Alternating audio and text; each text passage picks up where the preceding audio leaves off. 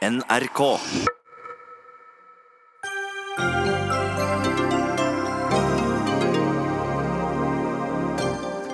Erna Solbergs utvidede regjering er nå et faktum. Hele 22 statsråder fordelt på fire partier. Aldri har det vært så mange av dem. Hvorfor det, spør vi Erna Solberg. To helt nye statsråder er samfunnssikkerhetsminister Ingvild Smines Tybring-Gjedde, som har sagt hun ikke stoler på journalister, men kommer til Dagsnytt 18. Det samme gjør KrFs Dag Inge Ulstein, som tar over som utviklingsminister. Han tilhørte Hareide-fløyen i KrF, så hva i alle dager gjør han i denne regjeringen da? Kjell Ingolf Ropstad blir barne- og familieminister, og fra nå av er det kulturministeren som må ta seg av likestillingen. Var det like greit? Og sannelig har vi også fått en helt egen digitaliseringsminister. Hva skal Nikolai Astrup fylle dagene med nå?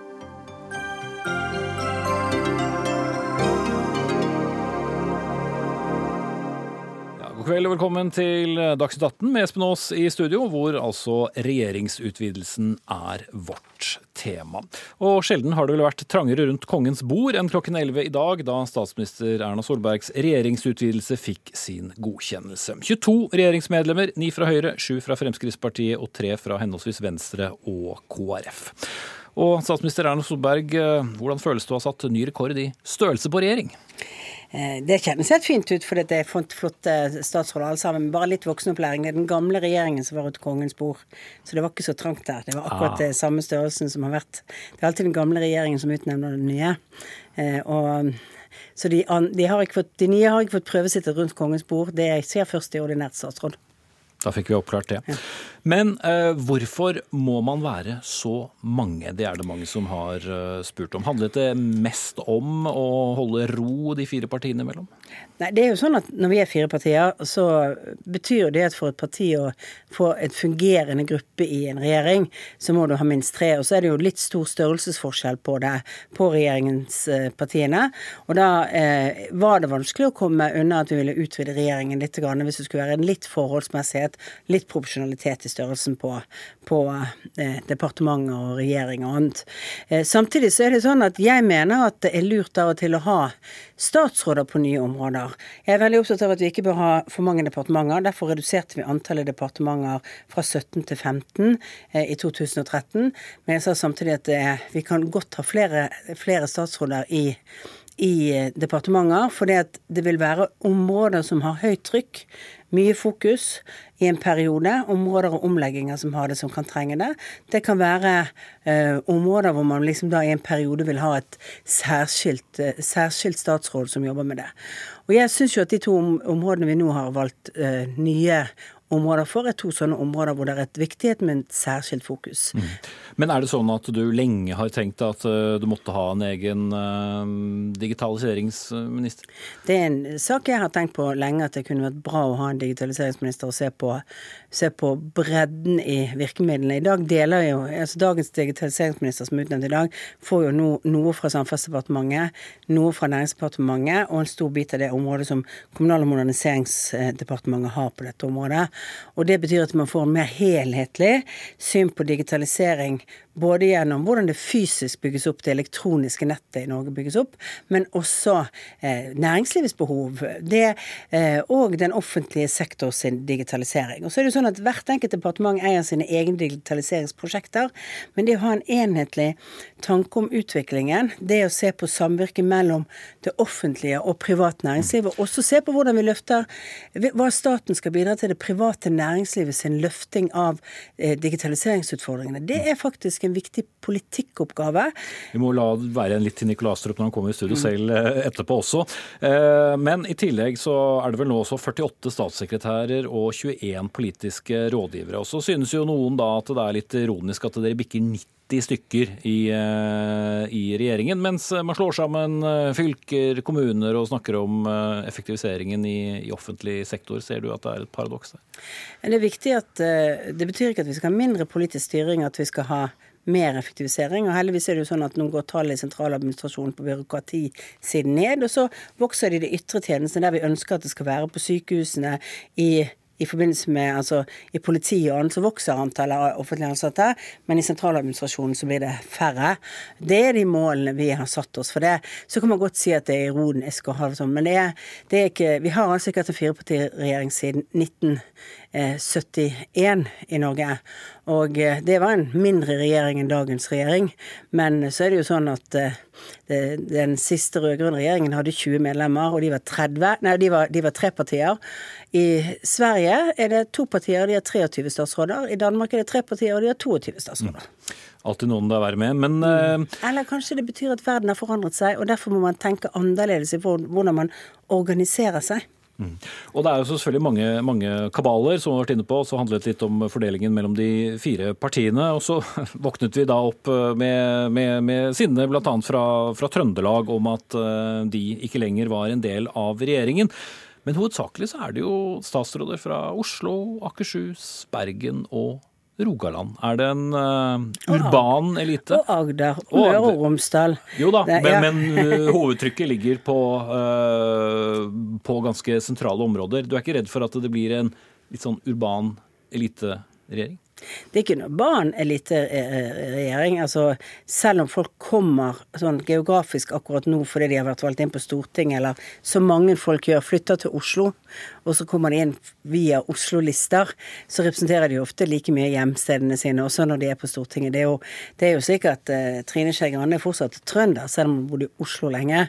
Uh, det betyr ikke at ikke jeg syns at vi godt skulle hatt plass til en trønder eller to til, uh, men akkurat nå så gjorde vi ikke så store endringer i, i Frp og Høyre sine eh, sammensetninger. For det gjorde vi i, for et år siden.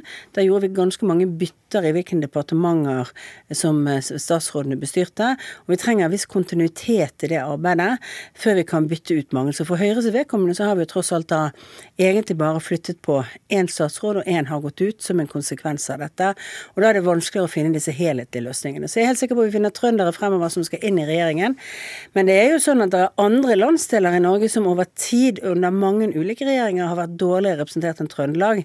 Eh, så et lite brekk akkurat nå fordi vi da tok inn et parti eh, og ikke gjorde så store andre endringer i regjeringen. Eh, det får vi leve med, så finner vi helt sikkert god representasjon for Trøndelag etter hvert. Mm. Men hvorfor, når det gjelder da den sammensetningen med partier, hvorfor er det viktig f.eks. at Fremskrittspartiet da alene skal ha flere statsråder til sammen enn KrF og Venstre? Altså Hvordan jobber du konkret med det regnestykket? Du har da altså ni, men uh, altså det Altså Høyre har færre enn det vi ellers ville hatt. Vi har gitt vekk, i den kabalen som er nå, så har vi gitt vekk en statsråd hver til, til Kristelig Folkeparti og Venstre ut ifra matematikken. Eh, det ville vært naturlig med den sitsen som er nå, at Høyre hadde 11 til 12 statsråder, at uh, Frp hadde hatt syv, og de andre da egentlig ikke hadde hatt mer enn to.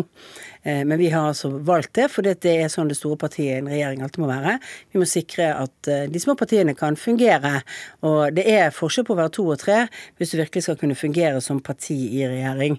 Eh, du må ha et visst apparat for å virkelig kunne være med og påvirke. Og det, tror, jeg tror ikke jeg kan huske at noe parti har sittet i regjering i Norge og hatt færre enn tre eh, statsråder inne. Det er nesten en sånn form for minimumsgrense for at du kan fungere. Mm. Hvordan vil du si at uh, etniske minoriteter reflekteres i den uh, nåværende regjering? Ikke godt nok. Eh, vi har eh, et par politiske rådgivere som har foreldre som er kommet fra andre land til, eh, til Norge. Vi, har ikke, vi hadde i første perioden to statssekretærer som hadde foreldre med, med utenlandsk bakgrunn. Det har vi ikke akkurat nå. Det håper jeg blir bedre. Men det er, det er vanskelig i sum å ta hensyn til kjønn, landsdeler, ikke minst det veldig vesentlige, du skal ha kompetanse på det området du skal sitte på. Ellers skal du være en veldig god allround-politiker hvis du skal gå inn i et departement. Det er, det er, noen sånne barrierer hvor det ikke er like lett å finne personer som passer helt til de ulike, ulike ja, kriteriene du har. Så ideelt sett så ville du hatt uh, Reelt sett så ønsker jeg meg flere innvandrere som deltar i politikken. Jeg ønsker meg flere på borgerlig side som også deltar i politikken. Og jeg ønsker det også utenfor Oslo-området. For det er ofte sånn at der er det tynnest med innvandrere som deltar i politikken. Eh, det er flest i Oslo-området, og der, der, er det flere som Der har du flest statsråder fra òg? Jo da, men det er, flere, det er, flere, som deltar der, men det er færre andre steder fra. Så vi trenger rett og slett å eh, bli flinkere, tror jeg, hele det politiske liv for å få flere, eh, flere med innvandrerbakgrunn som, eh, som, deltar i politikken, og få et større ja, grunnlag å velge av. En av de helt nye statsrådpostene som du da har oppnevnt, er samfunnssikkerhetsminister. Hvorfor? Må vi ha en helt egen minister eller statsråd for uh, samfunnssikkerhet? For det første så er Justisdepartementet et veldig stort departement. Um, det er et krevende departement. Uh, vi har hatt andre statsråder, innvandringsstatsråd bl.a. i det departementet tidligere. Uh, vi, fra første i første i år så har vi en ny, samfunns, altså har vi en ny samfunnssikkerhetslov. Vi, har, vi, skal sikre nå at altså hele, hele, arbeidet vårt knyttet til ja, alt det som ikke gikk så godt for oss når det gjaldt å følge opp kravene til objektsikring og andre. Så er det resultatet av den kritikken som kom? Ja, altså det, det, Når vi nå implementerer den nye sikkerhetsloven, så er vi nødt til å være godt på for å sørge for at alle departementer gjør det, alle underliggende etater.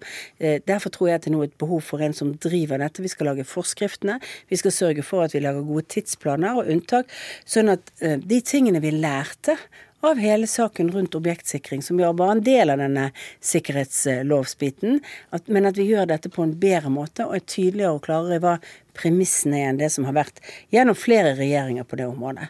Og så er IKT-sikkerheten et av de store utfordringene. At vi er mer sårbare i dag enn vi var tidligere. Og den blir liggende der og ikke den hos den digitale der, ja, digital, ja. Mulighetene på den ene siden og passe på sikkerheten på den andre.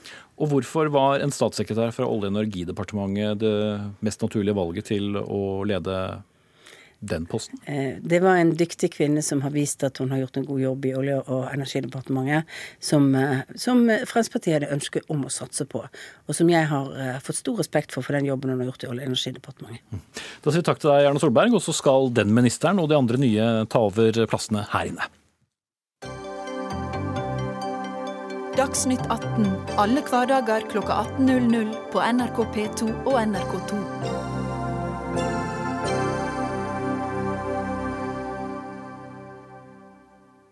Der forsvant programlederen under pulten, ikke fordi han var redd for gjestene, men rett og slett fordi han for annen gang i 2019 sparket ut hodetelefonene. Og det er dumt for senere i sendingen. Men eh, dette var først og fremst for dere som fulgte dette på fjernsyn, altså. Uansett, vi har fått et knippe med nye statsråder eh, i studio, og for en introduksjon dere fikk. Og jeg skal begynne med Ingvild Smines Tybring-Gjedde, fordi vi akkurat snakket om deg med eh, statsministeren. Og du har jo en slags tilknytning til dette programmet i den forstand at du tidligere har sagt at du knapt eh, tør eh, stille her. Eh, hvordan føler du det nå? Nei, Jeg er veldig rolig. Jeg er veldig glad for å være her. Jeg er stolt for å være utnevnt som statsråd for, for dette området. Og jeg er ikke redd journalister. Grunnen til at jeg sa det jeg sa for en stund siden, hadde med en, en enkelt hendelse å gjøre. Og jeg skulle ikke ha sagt det. Stoler du på journalister? Ja, jeg gjør det. Og dere gjør en viktig jobb, og dere skal utfordre oss. Det er bra. Du skal altså ta fatt på jobben som samfunnssikkerhetsminister fra i dag av. Vet du helt selv hva du nå skal gjøre? Nei, jeg gjør jo ikke det. Eh, jeg vet eh, rammene, eh, selvfølgelig, men det er en del overlapp mellom Tor Mikkel Wara og meg, og selvfølgelig også de øvrige statsrådene. Dere snakket også om digitaliseringsministeren. Vi har et samfunn hvor, som stadig mer, blir mer og mer digitalisert. Og det er sikkert Det er helt klart at den situasjonen også utfordres, og da er vi nødt til å, å følge med. Og det skal jeg bidra til. Og det er klart at mye av det jeg skal gjøre, har overbygging. Så jeg skal være en pådriver, og jeg skal skal være en koordinator for det. Mm. Men for å prøve å eksemplifisere det litt, da, altså hva, hva er samfunnssikkerhet? Hva, hva, legger du det seg? Ja, Mye av det som jeg skal ta tak i nå, er selvfølgelig vi har en ny sikkerhetslov som eh, kom nå 1.1. Eh, den omhandler ikke bare justissektoren, men den omhandler eh, alle de øvre departementene. Og der skal vi ta tak. Jeg har jobbet mye med den som statssekretær i Olje- og energidepartementet. Eh, videre så er det IKT-sikkerhet, som også statsministeren nevnte. Eh, som jeg også sa nå nettopp, at den, den vi utfordres stadig vekk på IKT og IKT-sikkerhet. Og så har vi den generelle beredskapen, som jeg syns er svært eh, morsomt å ta tak i. Jeg har eh, jobbet i olje- og energisektoren i 27 år før jeg ble utnevnt.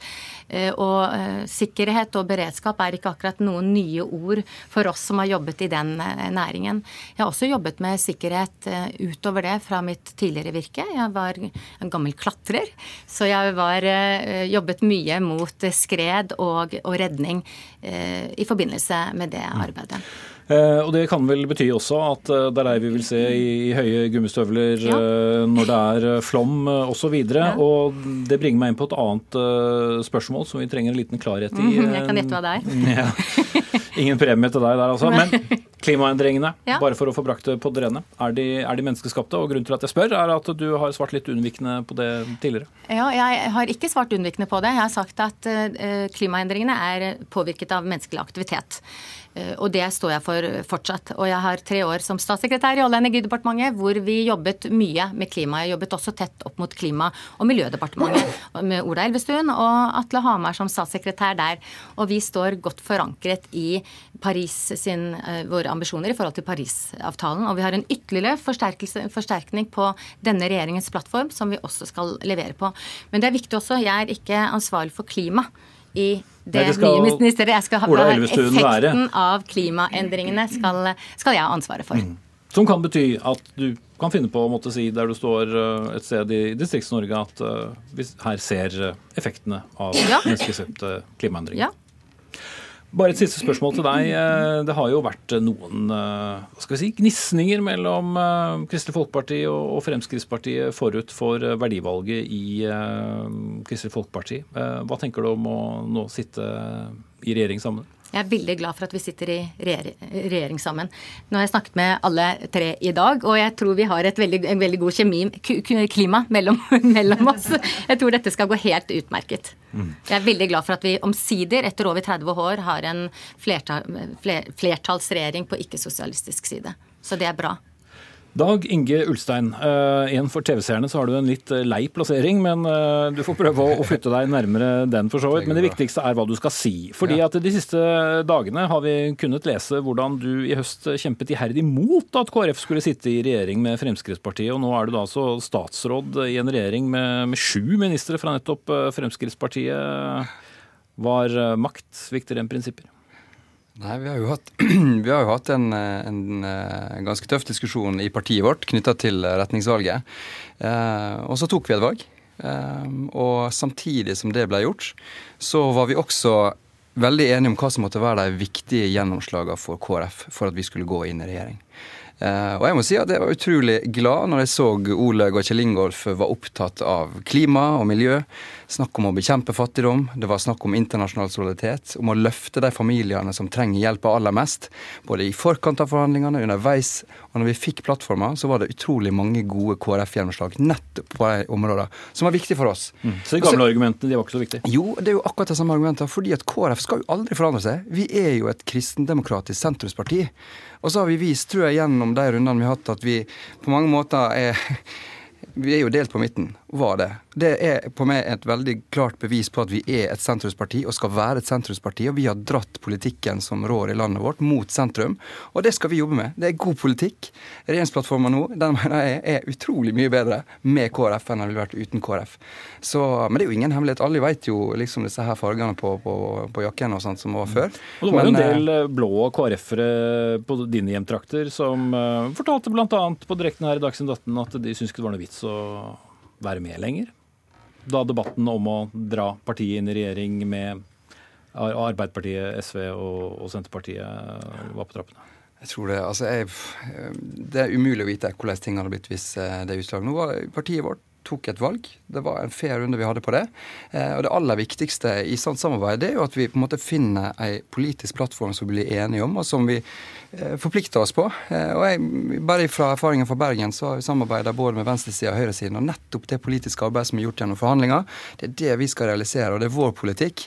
Og nettopp fordi at det er de områdene som var så viktige. Og jeg tror veldig mange av de som eh, trodde at det var størst gjennomslag eh, i en annen retning, veldig mange av dem er glad for å se nettopp hva vi har fått gjennomslag for nå. Men jeg må jo si at selvfølgelig, jeg syns det er kjempedumt at vi har mista noen av de aller dyktigste folka i, i KrF. Eh, vi har spennende dager fram, foran oss nå. Vi skal ha landskonferanse til helga. Og det blir å starte et arbeid med å prøve å samle eh, de troppene. Men det er ikke sånn at du tenker at du tok feil ut fra argumentasjonen eh, som du hadde i høst? Altså, for, for, oss så handler det uansett tror jeg, som politiker om at vi, vi, ønsker å være med å påvirke. Vi ønsker å få gjennomslag for den politikken vi har. Jeg er utrolig glad for å se de gjennomslagene som våre forhandlere fikk eh, gjennomført. En plattform som er gul eh, på tredje linje. Eh, og det kommer til å forandre landet vårt. Det, det, gjør en forskjell at vi er med enn om vi ikke hadde med. Og vi har et landsmøte som, som ønsker at vi skulle gå i den retninga. Og når jeg da sier jeg er så glad i KrF, Selvfølgelig, KrF de gjør en kjempeforskjell, eh, har gjort i landet vårt og kommer til å gjøre det. og Jeg skal få gjøre alt det vi kan eh, for å påvirke både i partiet og at vi skal få et godt samarbeid for å realisere den plattforma som vi nå skal arbeide på. De våkne Dagsnytt 18-publikum kjenner deg jo selvsagt da som tidligere finansbyråd i Bergen. Ellers så har vi kunnet lese de siste dagene at du er sitat, en Hareide-vennlig sexolog som ville bli misjonær. Hvem er det vi har fått inn som utviklingsminister? Det er så bra. Jeg tror kona mi og mange andre kan bli glad for at du kan avkrefte akkurat det med sexolog. Altså. Men det er klart at når du kobler sex og debut og stilling og misjonær og mye annet. Du kan få ganske mange interessante bilder i hodet. Men altså, jeg er altså ikke det. Jeg har hatt noen uh, samlivskurs og uh, var i en spalte rett i forkant av byråd første gang med å ga noen uh, ja, i Bergens Tidende. Men Nei, det er, en veldig liten del av mitt liv. Men selvfølgelig, det er familieliv og samliv og mye Det er viktige ting, og vi må få det til å funke i samarbeidet her òg. Det var også noen spekulasjoner om at uh, Kristelig Folkeparti burde la være å ta den jobben uh, du har uh, akkurat nå. Nettopp fordi at du nå kommer til å være en statsråd som kommer til å være med på veldig få regjeringskonferanser. Du kommer til å være ute og reise. Hvorfor er denne posten en viktig KrF-post? Tenk for en fantastisk plattform. Det er altså, Vi er i en verden der det er så vanvittige store utfordringer. Det er så mange som ikke har håp, ikke har muligheter fordi at det er valg andre har tatt for dem.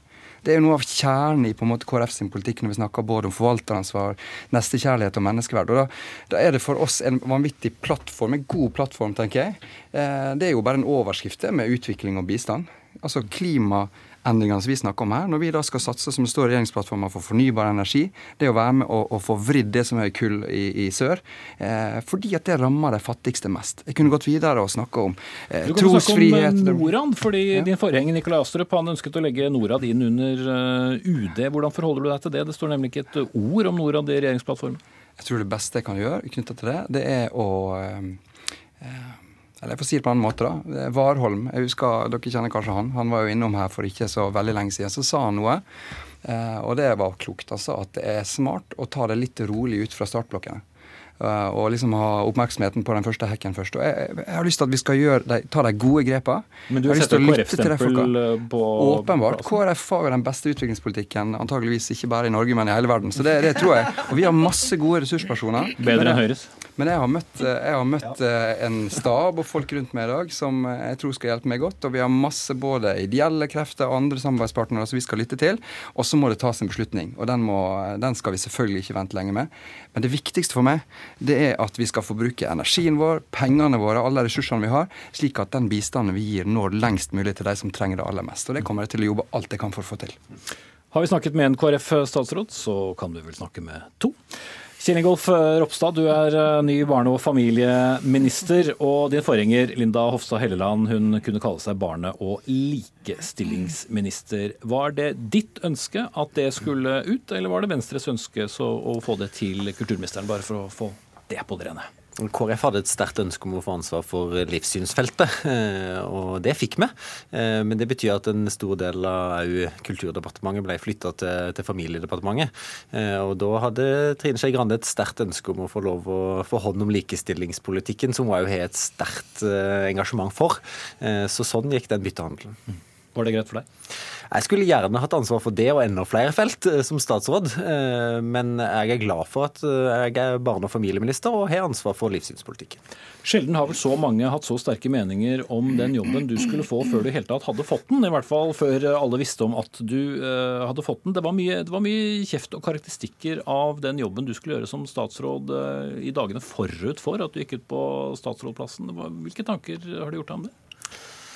Jeg er jo en politiker som har valgt å være tydelig, og har vært eh, delaktig i det retningsvalget som KrF har tatt. Eh, og Det er helt naturlig at det skaper et engasjement hos andre. Eh, samtidig så Nå er jeg blitt barne- og familieminister, og jeg er utrolig takknemlig for den jobben. Jeg brenner for å skape et samfunn som er, skaper trygg oppvekst, som kan skape trygge familier.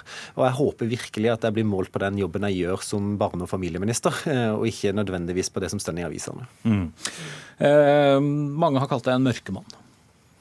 Ja, altså, men Merkelapper det må en jo bare venne seg til. Men jeg håper å kunne føre en saklig debatt. Eh, og vi kommer iallfall til å gjøre det vi kan for å skape et samfunn med plass til alle. Eh, plass for mangfold. Det å ikke minst løfte de sårbare barna. Jeg har møtt et fantastisk embetsverk i dag og ledergruppe som, som, har så mye bra på trappene. Og en plattform som ikke minst også løfter de fattigste barna. Gjennom økt barnetrygd, fritidskort, de gode løsningene som vi har. Og jeg sjøl er jo småbarnspappa da, og ikke har mange venner eh, som er i samme situasjon. og det å kjenne på tidsklemma. Det å være med og, prøve å finne løsninger på den utfordringa det er å kombinere arbeidsliv med å være foreldre, det håper jeg at vi kan være med og finne gode løsninger på. Mm. Omkamp om eh, paragraf 2c? Eh, det er nok en, eh, en, prosess som er over. Samtidig så, så har vi en plattform som er veldig flott. Og jeg er veldig stolt og glad over de gjennomslagene vi har fått. Og jeg er veldig stolt over det laget vi er. Altså, de har nettopp hørt Dag Inge Ulstein som er Jeg blir bare så stolt av at vi skal jobbe sammen og være med, ikke bare forandre Norge, men forandre verden. Eh, og KrF sin politikk vil bety mye. Eh, enten det er for det internasjonale engasjementet, eller det er for de mest sårbare ungene i Norge. Er du lederkandidat på landsmøtet i slutten av april? Eh, jeg har stor forståelse og respekt for at det har vært en krevende tid i partiet. Eh, og jeg syns partiet òg fortjener nå å både tygge på gjennomslagene i plattformen, måle det opp, eh, og få lov å ta en runde i hvert fylkeslag for å spille inn. Og så har vi en valgkomité som jobber. Var det ja eller nei? Nei, men hvis valgkomiteen spør meg, så skal jeg gi deg et svar. Men jeg føler at partiet fortjener å ta den runden først, før jeg går ut med mitt svar. Mm. Frem til det landsmøtet så er det Olaug Bollestad som fungerer som leder, og du er da ny landbruks- og matminister. Eh, hvorfor var det et eh, typisk valg for eh, Kristelig Folkeparti hva departementet angikk? For det første så gleder jeg meg over å få lov til å være det. Og det andre er jo at når vi har holdt på med, med vårt politiske prosjekt, som har hatt noe av den samme prosessen som det dere fikk oppleve på skjerm i hele høst, bare det ikke var noen skjermer da, der var òg distriktspolitikk utrolig viktig med landbruk. Og når vi fikk innspill til forhandlingene, Kjell Ingolf og meg, så var landbruk viktig for, og matproduksjon viktig for alle fylkene. Vi fikk innspill for alle i forhold til at dette måtte vi prioritere. Og Det viser vi òg igjen i, i, i plattforma som ligger, der vi har satt noen stolper for norsk landbruk som er viktig for landbruket, men som òg er viktig for vår egen matproduksjon. Og vite at vi kan lufte den inn på nye områder. Vi har noen utfordringer, men vi har òg noen muligheter, tenker jeg. Og Det er et forvalteransvar. Det er snakk om å ta og forvalte eh, våre ressurser og vår mulighet på best mulig måte. Så det er en verdiforankring òg i det valget. Mm. Bondelaget jubler. Eh, blir det veldig annerledes eh, landbrukspolitikk under KrF sammenlignet med Fremskrittspartiet, som har styrt dette departementet siden 2013? Eh, I de fem åra som har vært, så har egentlig KrF hatt ganske stor betydning for norsk landbruk, fordi det har vært en mindretallsregjering. Og Det betyr at de har måttet gått gjennom den smale porten til KrF for å få gjennomslag for politikk. Og Det eh, har vært viktig da å påvirke den politikken på det vi syns har vært viktig landbrukspolitikk. Eh, og Sånn sett så har vi bygd oss opp, tror jeg, en, eh, en eh, grei troverdighet òg blant bønder og blant selvstendig næringsdrivende i, de, i, i, tilleggsnæringene til det, som gjør at vi nå skal drive en politikk bygd på de søylene vi har sagt, og se på mulighetene. Så det er altså en landbruks- og matminister. Det òg tenker jeg gir muligheter med meg som har en helsebakgrunn. Her kan vi bruke veldig mange muligheter for å òg både balansere en overproduksjon som er, å gi muligheter til eh, økt Så du skal få ned voldsomme, de voldsomme overskuddslagrene av, eh, av, kjøtt i Norge? Nei, Vi må i alle fall få en, en balansering. Og vi har sagt noe om at vi ikke skal gi, gi større mulighet å, og øke de konsesjonene. Men vi sier samtidig at eh, vi må se på nye muligheter. Og jeg tenker det er utrolig store muligheter eh, til å utvikle både en matproduksjon på frukt og grønt, som jeg sier, og andre produkter som jeg tror kan være viktig for norsk landbruk. Så dette tar jeg på alvor. En av dine politiske allierte og forgjengere, Sylvi Listhaug, har ifølge Telemarksavisen sagt at avsnitt om landbruk i regjeringsplattformen sitat, ser ut som den er skrevet av eh, Bondelaget. Hva var dette for slags drahjelp? Ja, det, det, er viktig for KrF og for meg. jeg har alltid hatt en god dialog med både Bonde- og Småbrukerlaget og Bondelaget. Når jeg selv var ordfører, så var jeg ordfører i en kommune, en stor landbrukskommune i målestokk. Jeg kommer fra Rogaland, matfylke. Der er organisasjonene viktige pådrivere. De skal ikke bare bestemme, men det er viktig å spille på lag. Og det tenker jeg, det har vi òg gjort i året som har gått. Og jeg har akter å spille på lag med de kloke folka i departementet som jeg har møtt. Kloke fagfolk med god kunnskap, men òg med organisasjonene ute. Jeg tror vi kommer langt da. Og politikken, eller landbruket skal oppleve at jeg tar på meg hyggstølvene og kommer og, og møter landbruket vi der de er. Oss å se det. Du er jo da, som jeg sier, fungerende leder, og i dag har vi hørt at din mann i familie- og kulturkomiteen på Stortinget, Geir Jørgen Bekke Bekkevold ikke vil ta gjenvalg. Han sier han ikke kan drive valgkamp for den regjeringen som du og de to andre her nå er en del av.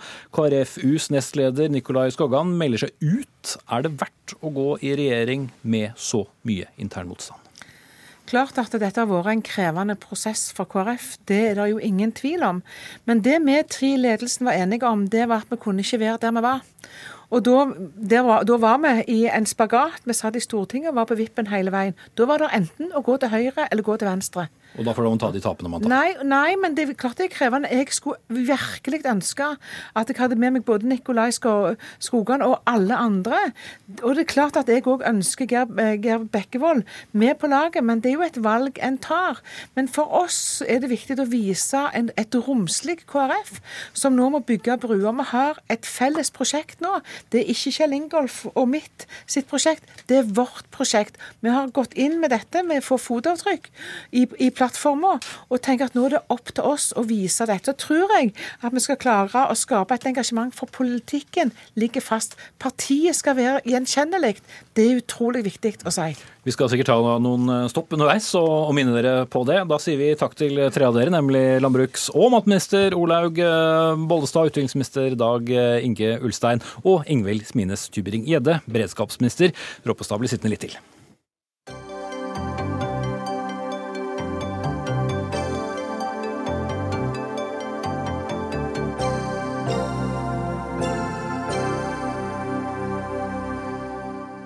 For som jeg allerede har eh, vært innom, så har det vært eh, en del oppmerksomhet rundt eh, omfordelingen av oppgaver i regjeringen. Ikke minst det å flytte likestillingsansvaret fra barne- og familieministeren til kulturministeren. Og Halvor Frihagen, du er politisk nestleder i FRI, altså Foreningen for kjønns- og seksualitetsmangfold. Vi så dere på Slottsplassen i dag. Dere delte ut blomster og regnbueflagg til både Trine Skei Grande og Kjell Ingolf Ropstad. Dere har problematisert dette. Hvorfor er det vanskelig at eh, Ropstad ikke skal ha likestillingsbiten? Først vil jeg gratulere med statsrådsposten. Eh, men for oss så henger familie- og likestillingspolitikken veldig tett sammen. Eh, det er det at våre grupper, da, skeive folk, de har familier, de gifter seg, de får barn, og barn er skeive. Og vi er opptatt av at alle skal få det like bra i landet, og at de som opplever at de har et annet kjønn, eller blir forelsket i en av samme kjønn, eller har en annen ting ved seg, de skal få lov å ha akkurat de samme rettighetene som alle andre. Og Derfor vil vi gjerne se at disse postene henger sammen, fordi familiepolitikken er likestillingspolitikk. Mm. Ropstad, eh, dette med homofili har jo vært en vanskelig sak i Kristelig Folkeparti, også internt etter et uh, giftermål i, i partiet som det var mye meninger rundt. Er homofili et vanskelig spørsmål for deg? Nei, jeg skulle gjerne hatt ansvar for eh, det feltet. Og jeg vil jo understreke sterkt at jeg er jo barne- og familieminister for alle. For alle barn. For skeive barn. For alle typer familieformer. Og jeg har et stort ønske om å ha et godt samarbeid òg med FRI. Eh, fordi at jeg nettopp er opptatt av f.eks. å bekjempe diskriminering eller mobbing mot homofile. Mm. Har ditt eget parti en vei å gå der? Eh, vi er helt sikkert en vei å gå. Eh, samtidig så opplever jeg at det er òg eh, stor støtte til f.eks. å bekjempe enten det er diskriminering, det er mobbing. Vi har hatt et stort engasjement på dette feltet over lang tid. Så jeg kommer iallfall til å gjøre det jeg kan til å, bidra til at det arbeidet fortsetter. Mm. Frihagen, hva frykter dere kan da være konsekvensen av at likestillingsbiten er da flyttet til et annet departement? Det er jo fortsatt samme regjering? Ja, altså, vi gleder oss til å samarbeide både med Trine Skei Grande og Det er fint å ha en uh, minister som virkelig ønsker seg å jobbe med vårt felt. Det er vi, er, er vi glad for. Og fint å høre at også familieministeren uh, er opptatt av, av, våre rettigheter. Men vi er jo bekymret for at uh, rettighetene i familiepolitikken ikke, ikke, blir like godt ivaretatt som, som det vi skulle ønske. F.eks. i skolepolitikken så er vi, vi redde for at barn som går på kristne skoler skal få melding om at en lærer ikke kan jobbe på skolen deres fordi han eller hun er samboer med en av samme kjønn. Og da vil jo de barna oppleve at det ikke er greit å være homo, og vil føle dette vanskelig, vil vi tro. Ja, dette er jo ikke mitt ansvarsområde. Jeg vil tro at noe av det er kunnskapsministeren eller arbeidsministeren. Men jeg kommer iallfall til å, være opptatt av å, å, være, å, bekjempe mobbing, diskriminering, den type saker. Så hvis jeg som barne- og familieminister kan være til hjelp eh, i disse typer spørsmål, så har jeg veldig lyst til det. Og min dør er åpen, og jeg inviterer til, til møte for å kunne nettopp eh, bekjempe den type utfordringer som vi vet er spesielt mye av i den, den, den den gruppa. La meg bare ta en tur innom eh, deres eget partiprogram. Det står at KrF vil løfte frem ekteskapet mellom en mann og en kvinne som en god og stabil ramme rundt barns oppvekst. Eh, harmonerer det med det dere snakker om? Altså, KrF sitt program er én ting. Eh, nå er jeg statsråd, eh, og det er på en plattform som har et annet grunnlag. Eh, og jeg står 100% inne for den plattformen, og som statsråd så er min jobb å følge opp det. Og Hva med partiprogram? Ja, jeg er statsråd og fronter regjeringa sin politikk. Og den er for alle barn og for alle familieformer. Mm. Men du er også nestleder i KrF? Ja, men, men jeg forvalter barne- og familiepolitikken på vegne av regjeringa. Og mitt mål er jo å skape trygg oppvekst for alle. Og jeg vet at eh, når det gjelder mobbing, når det gjelder diskriminering, så er spesielt eh, homofile eh, utsatt for den type. Eh, og Derfor så mener jeg at det er ekstra viktig. Vi har jo en egen handlingsplan eh, som, som eh, bl.a. noe kommer til å være på mitt felt. familievern, barnevern, den type områder. Og jeg kommer til å, jobbe mot, mot, den type handlinger. Mm. Så bare for de som måtte lure på det, så, så lenge du er i, i regjering, så er ikke det som står i partiprogrammet det du holder deg mest til? Altså, KrF sin politikk er jo kjent, eh, men vi er jo gått inn i regjering. Og da er det regjeringsplattformen som, som ligger til grunn. Og, og, dermed er det heller ikke sånn at det kommer til å gjøres noen endringer på de punktene. Mm. Eh, Frihagen, eh, da nyheten lagt da, om at Kringolf Kjell Ingolf Ropstad skulle bli, eller ta over Barne- og likestillingsdepartementet som det var da, Barne- og familiedepartementet som det er nå. Hva, hva, tenkte du skulle ønske at det var et annet parti som tok det over? Ja, vi ønsker jo oss en, en, statsråd som er opptatt av våre saker. Og nå sier Ropstad at han er det. Vi har jo sett hva han tidligere har skrevet i avisen, som ikke har, har vist samme engasjement for, for våre grupper. For når, det gjelder uh, f.eks. likekjønnet eh, ekteskap.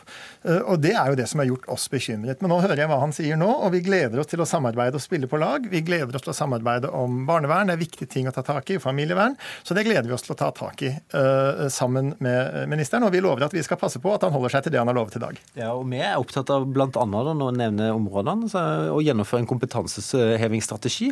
Det er mye flott kompetanse som, som, er der, men vi ønsker å bli enda bedre. og Det å ha kompetanse om det er type spørsmål vet vi vil være viktig, sånn at jeg kan bli møtt på en best mulig måte. Så jeg ser fram til forhåpentligvis et godt samarbeid, og syns det var veldig hyggelig å få blomster av Fri i dag.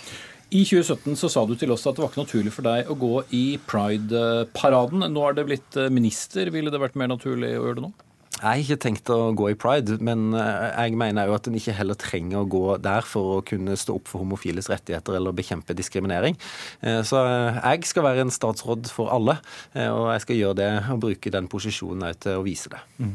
Enig i det, Frihagen? Man trenger ikke å gå i pride for å ha et godt åpent sinn til alle samfunnet? Vi syns det er veldig hyggelig med alle som kommer og feirer pride med oss, men det viktige er den politikken som føres, og den skal vi passe på. Men ellers må du gjerne komme på Skeive sørlandsdager i Kristiansand, i, ditt, eh, i, din hjemregion. For der er det veldig flotte arrangementer som skjer eh, i begynnelsen av september. Du har ikke tida, men vi sier takk til Kjell Ingolf Ropstad, barne- og familieminister for KrF, og Halvor Frihagen, politisk nestleder i FRI, Foreningen for kjønns- og seksualitetsmangfold. Thank you. Som eh, vi har vært eh, innom tidligere i sendingen, så er eh, en av endringene i utvidelsen at vi altså har fått en egen digitaliseringsminister. Og det er altså deg, Nikolai Astrup fra Høyre, som er nyutnevnt i denne statsrådposten. Og hvis jeg kan være så frimodig til å begynne med, blant dine kolleger så er du ikke kjent for å være den mest teknisk begavede. Har de, har de lest deg litt feil, eller hvordan vil du vurdere din egen digitale kompetanse? Det er ondsinnet rykte. Nei, altså, Jeg eh, tror jeg er ganske gjennomsnittlig digital bruker. Men det interessante perspektivet som denne posten også reiser, er jo ikke meg som digital bruker, men hva utviklingen kan føre med seg. Og det er jo noen fantastiske tror jeg, muligheter som Norge kan gå glipp av hvis ikke vi eh, kaster oss på dette toget og sørger for å, å, å ta, ta, de mulighetene som den digitale revolusjonen eh, gir oss, i bruk. Vi har jo allerede snakket mye om det digitale, fordi at uh, Ingvild Smines Tybing-Gidde skal jo også uh, ha en del ansvar. fordi det mange tenker på, er jo trusselen mot, mot det digitale. Mm. Men alt dette forblir i Justisdepartementet, så hva blir igjen til deg? Du, Ikke bare blir det noe igjen til meg, men jeg får også tilført noe fra andre departementer. Eh, og Det er jo både det næringsrettede eh, digitaliseringsarbeidet som overføres fra Næringsdepartementet til eh, min portefølje. I tillegg så kommer jo det som går på Telekom fra Samferdselsdepartementet inn i min portefølje.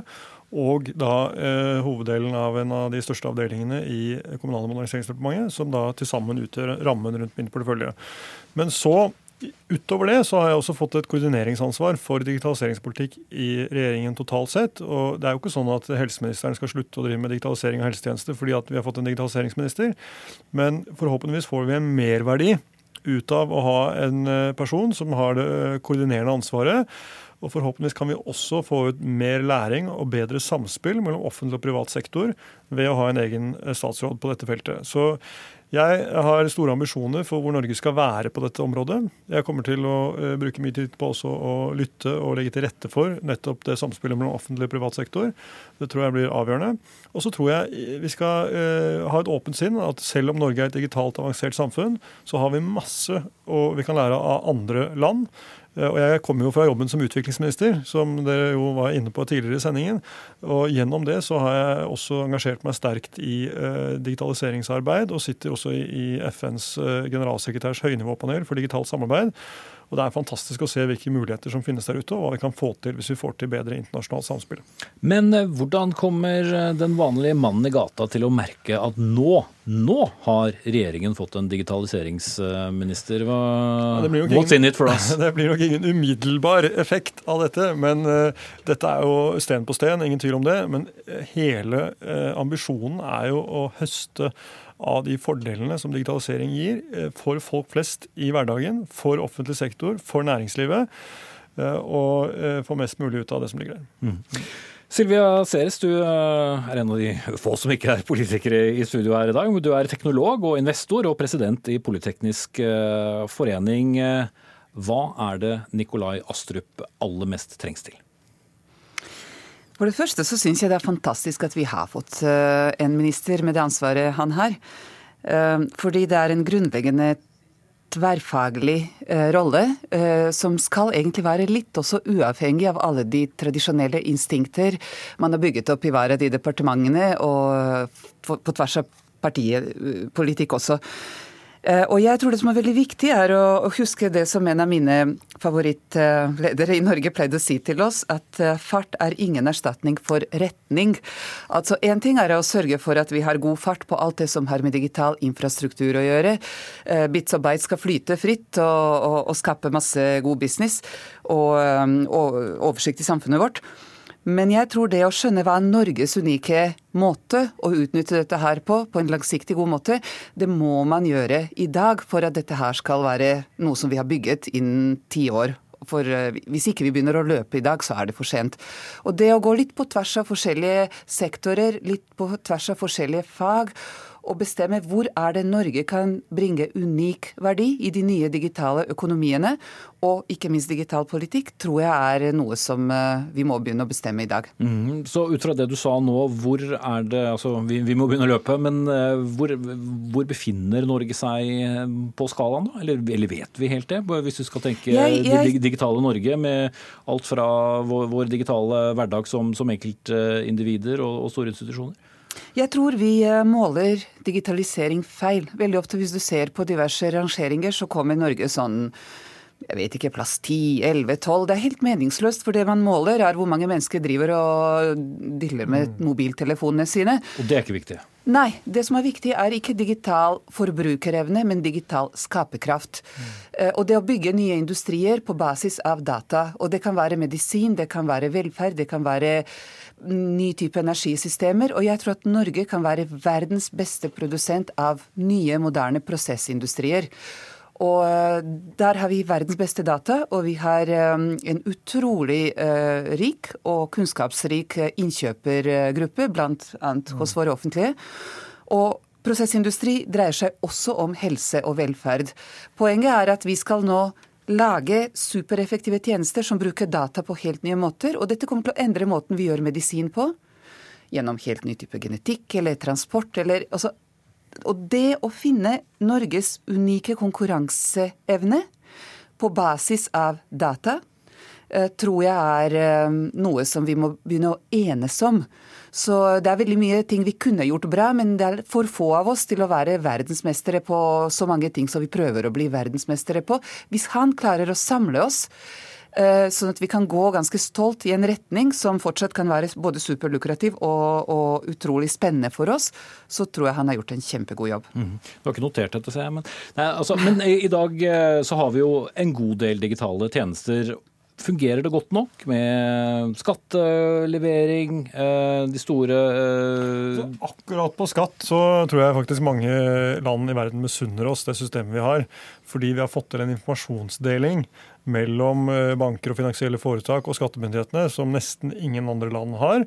Og i tillegg så er det jo heldigitalisert for næringslivet eh, når det kommer til rapportering på den fronten. Og vi som personlige skattytere får vår informasjon digitalt via SMS. Så er det oppe og går 364 og 365 dager i året? Inn, det er jo 15 år gammelt nå, men er et eksempel på offentlig-privat samarbeid som, som jeg tror mange andre ser til når det kommer til akkurat det eksempelet. Men det viktige her er jo nettopp det og det store potensialet ligger jo i det som Silvia eh, snakker om.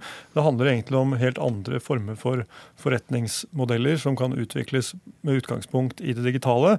Det jo, jeg har fått mange spørsmål i dag om jeg er på Facebook osv. Altså det er det minst viktige eh, ved denne jobben. hvor mange som bruker sosiale medier. Skal du være litt digital næringsminister i tillegg til å passe på det? Det handler om transformasjon, og det handler om hvordan vi kan både gjøre det enklere for næringslivet, gjøre, gjøre offentlig sektor eh, mer brukervennlig og effektiv og moderne moderne. Og det handler selvfølgelig om folks hverdag. Det er jo aller, aller viktigste. Eh, sett fra et politisk perspektiv, hvordan gjør vi folks hverdag? Og da snakker jeg både om folk i dagliglivet sitt eh, og privat, men også i, i eh, si, arbeidssituasjonen deres. Hvordan gjør vi den enklere og bedre? Og det må være et mål at vi må komme lenger. Men det er et godt fundament tenker jeg. Vi har et godt utgangspunkt. Vi er et land med både teknologi, kompetanse og ressurser. Her kan vi få til veldig mye. Eh, men eh, det er som Sylvia sier, vi må gå i en retning, og eh, vi må sørge for å ha tilstrekkelig trøkk. Mm.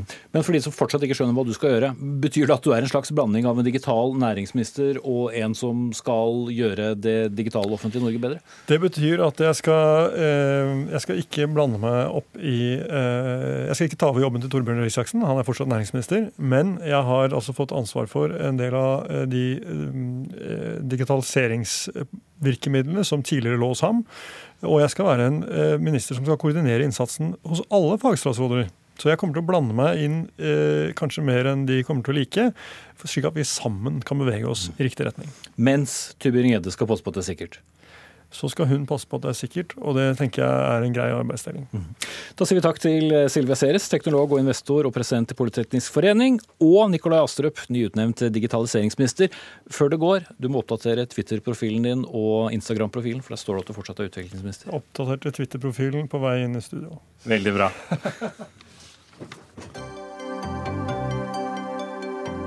Hør Dagsnytt 18 når du vil. Radio NRK Radio.nrk.no.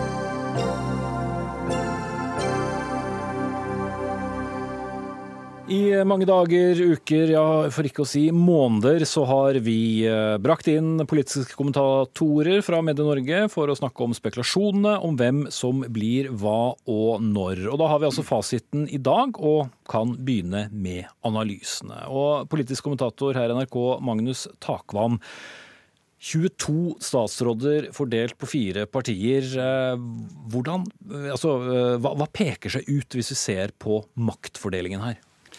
Så Det grunnleggende er jo at eh, Høyre og Frp, som jo startet dette prosjektet som en mindretallsregjering etter 2013, besitter de eh, tunge maktbastionene i departementsstrukturen. Altså Finansdepartementet, statsministeren selvfølgelig, utenriks, justis, kunnskap, samferdsel osv. Og, eh, og når da etter hvert to sentrumspartier er kommet inn, så er det jo på deres profilsaker de har eh, fått eh, oppgaver, selvfølgelig. Og det er klart, det er en del av bildet. Makta rår. De største partiene får de tyngste jobbene. og det illustrerer en del av den utfordringen, tror jeg, som, som nettopp Venstre og KrF vil ha i tida framover med å kunne greie å markere seg. Mm. Politisk redaktør i Adresseavisen Tone Sofie Aglen, i din kant av landet så har ja, mangelen av trøndere faktisk vært eh, den største saken, og dette har vært viktig? Eh, ja, jeg trodde ingen hadde forutsett at et trønderopprør skulle liksom eh, lage skår i gleden for Erna Solberg sin store dag, men vi vet at for enhver regjering så er det viktig å ha legitimitet ikke bare i alle deler av partiet, men også alle deler av eh, landet. Så vet vi at det er vanskelig å, å legge en regjeringskabal som tar hensyn til alt man skal ta hensyn til. Men vi må huske på at de skarpe reaksjonene som har kommet fra eh, Trøndelag Høyre. Det er ikke noe som er medieskapt. Det brukes veldig harde ord. Jeg er nesten frista til å gjenfortelle noe av den trønderske bannskapen, men eh, da ble jeg vel kasta ut av studiet her, så jeg skal ikke gjøre det. Eh, men jeg tror det her ja, vi har sett det.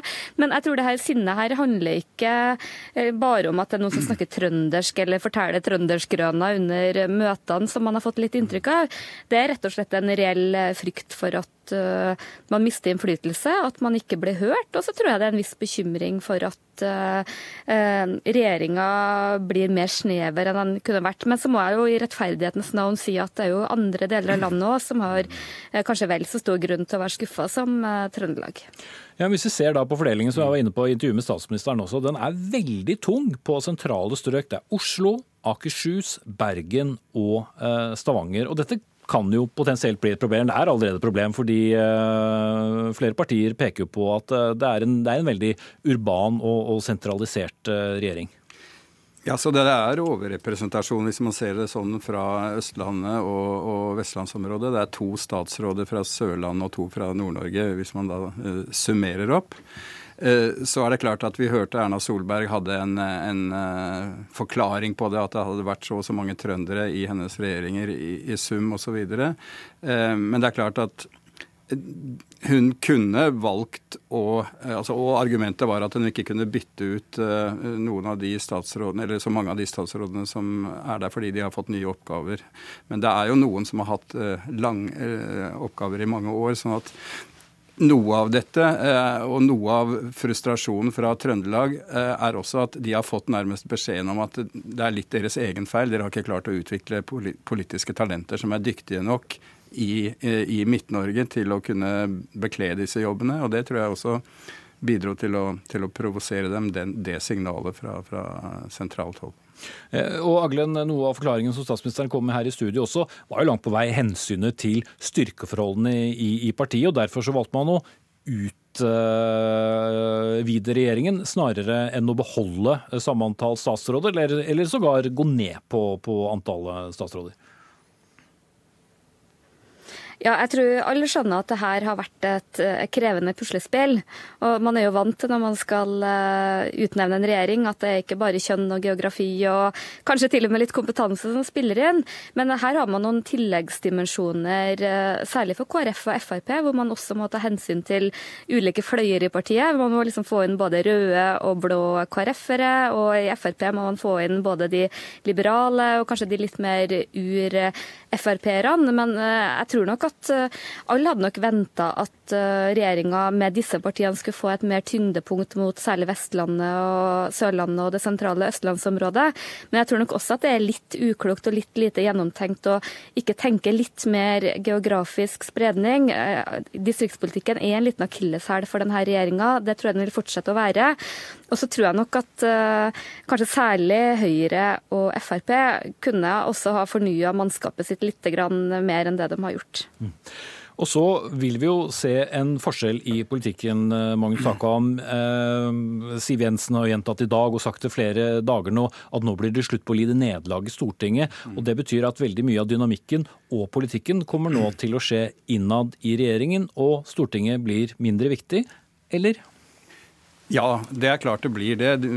Bare ta budsjettprosessen, som er det viktigste dokumentet som eh, Stortinget vedtar. Der er jo da avklaringene skjedd eh, på, på forhånd, i motsetning til det som har vært tilfellet de siste årene med masse budsjettdrama og krisestemning eh, osv. Og det er jo en side av, av, dette som vi har registrert når alt ble avklart i forbindelse med plattformen osv., at opposisjonen Eh, selvfølgelig er opptatt av å eh, få sin eh, versjon av sin virkelighetsbeskrivelse av denne plattformen fra dag én. Og det har vært veldig åpenbart at venstresiden Arbeiderpartiet har stemplet denne regjeringen som høyredominert og som skal vi si, kvinnefiendtlig. Og det, det, er et uttrykk for at man nå har fått også hardere fronter når KrF har gjort sin avklaring eh, i og med at de går inn i regjering. Så det er en del av den dynamikken vi allerede har opplevd, føler jeg. Vi vet at det også i Fremskrittspartiet har vært delte meninger om eh, hvor vellykket det er å, å sitte i regjering og, og, måtte ta nederlag i en del saker. Der har det vært markante profiler ute. Eh, en av dem har jo vært Christian Tybring-Gjedde. Nå er hans kone blitt eh, statsråd. En som har kommet tilbake i Stortinget, er Sylvi Listhaug. Hennes ektemann, Espen Espeseth, er nå blitt statssekretær ved statsministerens eh, kontor. Eh, hvordan skal vi lese dette, Tone Sofie Haglen? Ja, nei, det er vanskelig å lese ting inn i det. Nå kan man jo kanskje si at Frp har hatt litt dårlig erfaring med å ha hatt nære ektepar inn i regjering det siste året, med Per Sandberg og hans eh, ekskone sin eh, exit ut av denne regjeringa. Men eh, jeg tror vi skal vurdere de nye, den nye statsråden og statssekretæren på egne bein. Men litt morsomt må det være lov å si at det er ektefellene til to av de mest kanskje regjeringskritiske urokråkene på Stortinget. Og kan jo bare legge til det at jeg tror det også for Frp er veldig viktig å, å få alle fløyene i Frp representert i regjering og få entusiasme rundt regjeringsprosjektet, ikke bare om disse liberalistene som er de mest regjeringsvennlige i Frp. Det har jo vært utrolig mye støy rundt Kristelig Folkeparti i, i, lang tid, om hvilken vei de skal gå, hvordan skal de se ut, hva står de for osv. Nå har vi fått en regjeringsplattform som ja, de andre partiene også har anerkjent har fått et visst eh, KrF-stempel. Vi har eh, sett fordelingen av eh, partiene. Hvordan ser veien videre ut for, for Kristelig Folkeparti? Handler det nå om å overbevise om at de tok det riktige valget? Altså, vi ser jo veldig tydelige tegn på at partiet forsøker å bygge bro mellom, eh, mellom frontene. Eh, Dag Inge Ulstein f.eks. Det, det var helt åpenbart at en fra den siden måtte få en jobb i regjering. Eh, jeg tror Hareide selv vil eh, bli parlamentarisk leder f.eks. Men det er klart at usikkerheten og det som var frykten på forhånd blant dem som var skeptisk til dette prosjektet, var jo at eh, Kristelig Folkeparti eh, risikerer å eh, bli et regionalt parti på Sør- og Vestlandet, hvis de også nå da blir på en måte presset mot høyre, for å si det slik, og presset inn i de eh, klassiske eh, konservativt pregete KrF-sakene. Så nettopp det blir et, et, en, en, viktig ting og spennende å følge med på.